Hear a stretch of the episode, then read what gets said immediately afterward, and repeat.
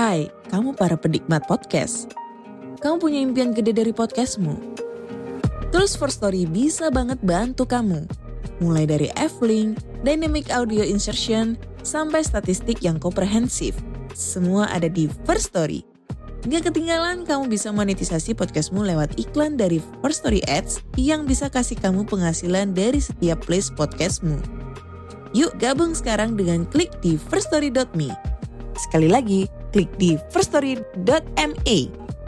Mari kita bawa mimpi podcastingmu menjadi kenyataan.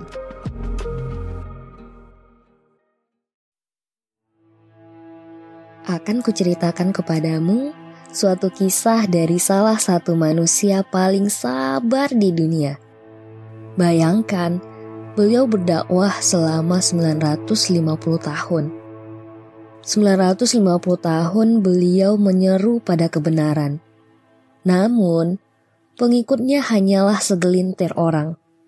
Barangkali memang standar kebenaran tak dilihat dari banyaknya orang yang mengikuti di belakang.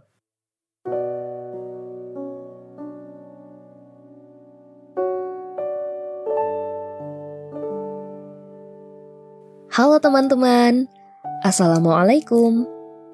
Apa kabar nih? Kalau aku, kabarku ya lumayan sih, walau ada beberapa hal yang mengganggu pikiran memang. Tapi, kalau diingat-ingat, hidup di dunia memang bukan tempat mencari ketenangan.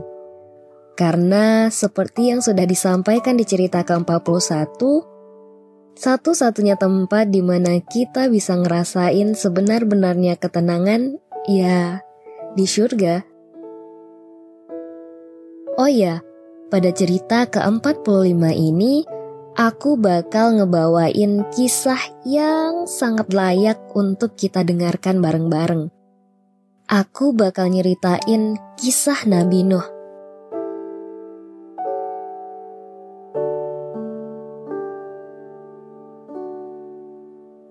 Teman-teman pasti nggak asing lagi dengan kisah Nabi Nuh dong.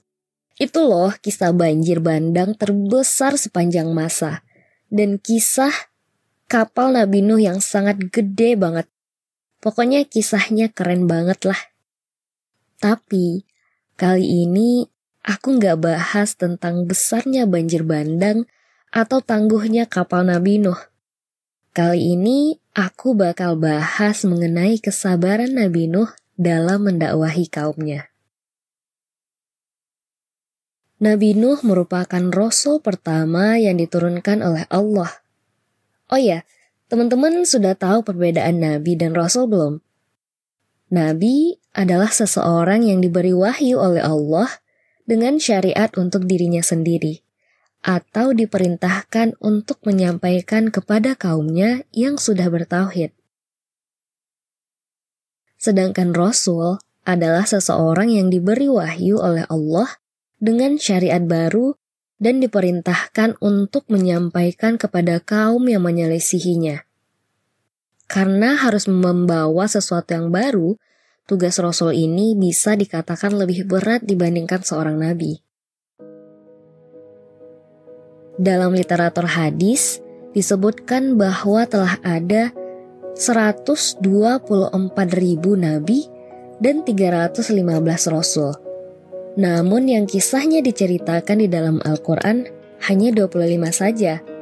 Makanya akhirnya kita pun hanya mengetahui kisah 25 nabi dan rasul. Yuk kita lanjutkan kisah Nabi Nuh.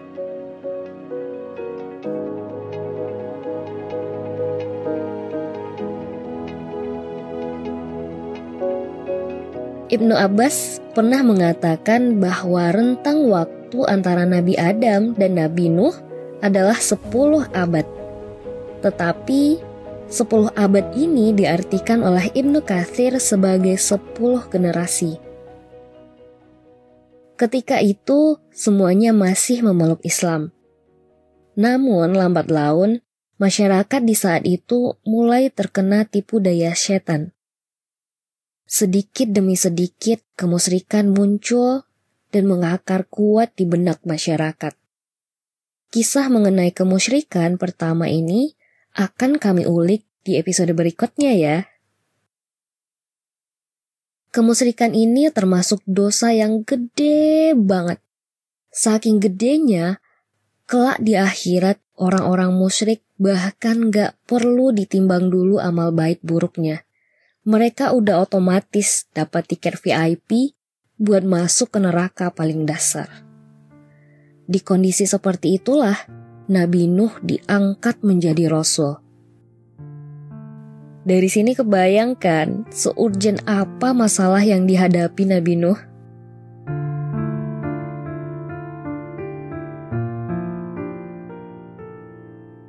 Ada beberapa pendapat mengenai usia Nabi Nuh saat diangkat menjadi rasul. Pendapat terkuat dinyatakan kalau usia Nabi Nuh saat diangkat jadi rasul adalah 480 tahun. Pendapat tersebut datang dari Ibnu Jarir yang dikuatkan oleh Ibnu Abbas. Ibnu Jarir juga menyebutkan kalau kaum Nabi Nuh adalah Bani Rosib. Bani Rosib itu merupakan kaum yang sangat durhaka pada nabinya. Mereka mengolok-olok Nabi Nuh.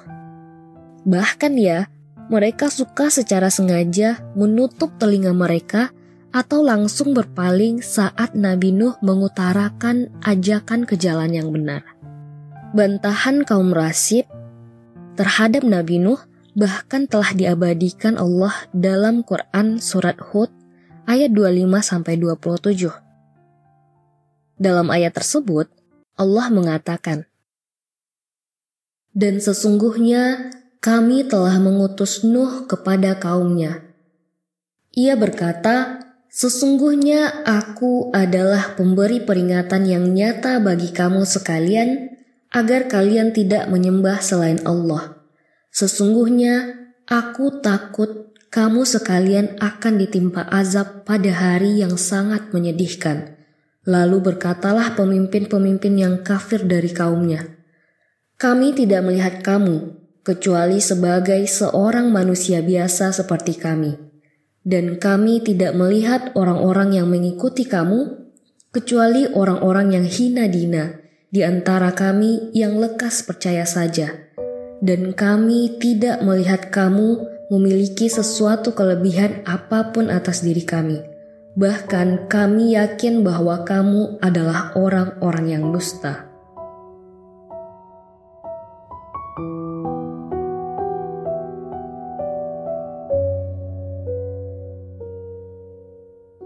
Teman-teman, orang-orang musyrik tersebut mengatakan bahwa Nabi Nuh tak memiliki kelebihan dibandingkan mereka. Mereka bahkan mengatakan kalau hanya orang-orang lemah dan bodohlah yang mau mengikuti Nabi Nuh.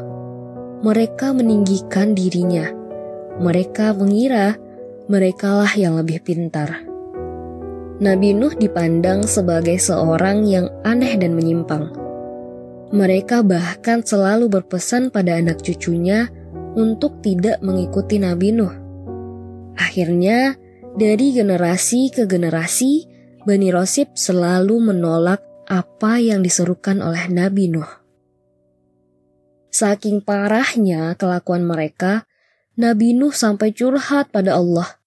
Curhatan itu terabadikan dalam Quran Surat Nuh ayat kelima sampai sembilan. Pada ayat tersebut dijelaskan, Nuh berkata, Ya Tuhanku, sesungguhnya aku telah menyeru kaumku malam dan siang.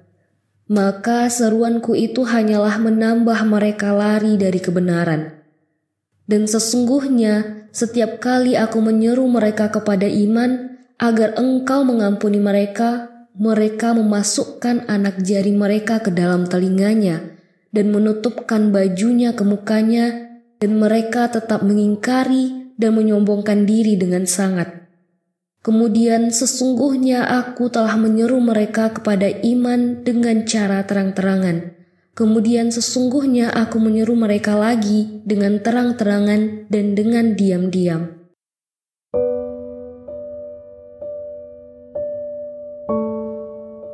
Bayangin deh teman-teman, Kelakuan mereka yang menyepelekan itu gak hanya terjadi selama satu atau dua tahun saja, tapi terjadi sampai 950 tahun. Dalam Quran Surat Al-Ankabut ayat ke-14, Allah berfirman, Sesungguhnya kami telah mengutus Nuh kepada kaumnya, maka dia tinggal bersama mereka selama seribu tahun kurang lima puluh tahun.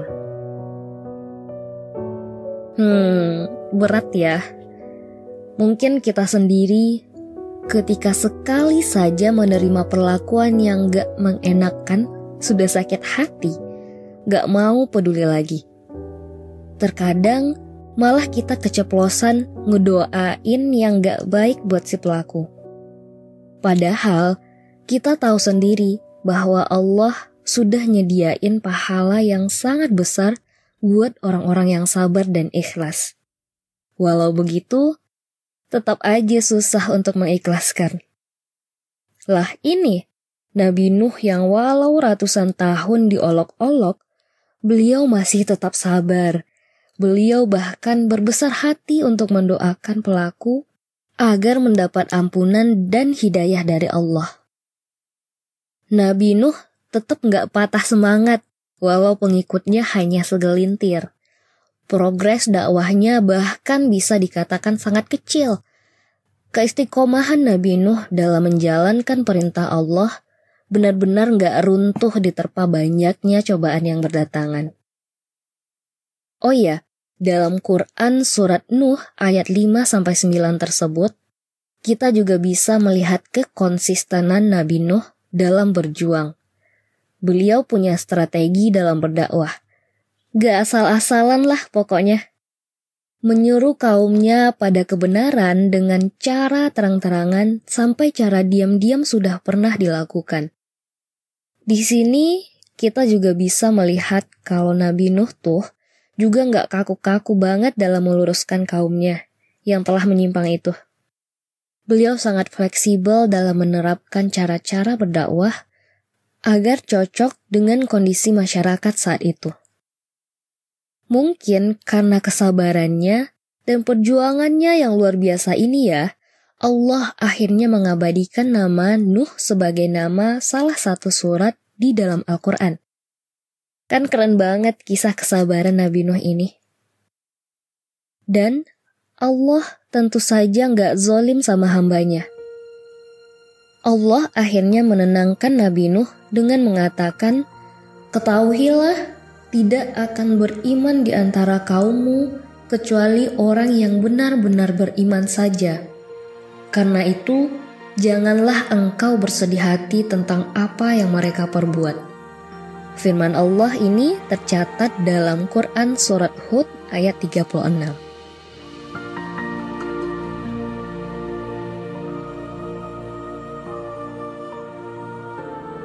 Ya, pada akhirnya tugas seorang pendakwah hanyalah berusaha semaksimal mungkin untuk menyeru dan mengajak pada kebenaran.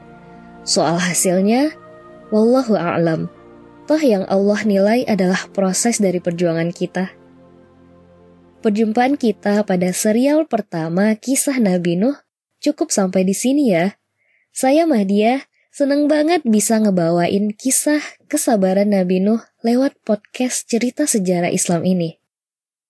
Oh ya, podcast cerita sejarah Islam dalam menyusun cerita mengambil sumber dari buku Bapak Para Nabi dan tafsir Quran karya Ibnu Kathir, paper-paper, hingga ceramah para ustadz di Youtube. Kami bahkan memiliki tim review tersendiri untuk memastikan kelayakan dari cerita yang akan kami sampaikan. Terima kasih untuk support kalian selama ini. Sampai jumpa di serial berikutnya ya. Wassalamualaikum warahmatullahi wabarakatuh.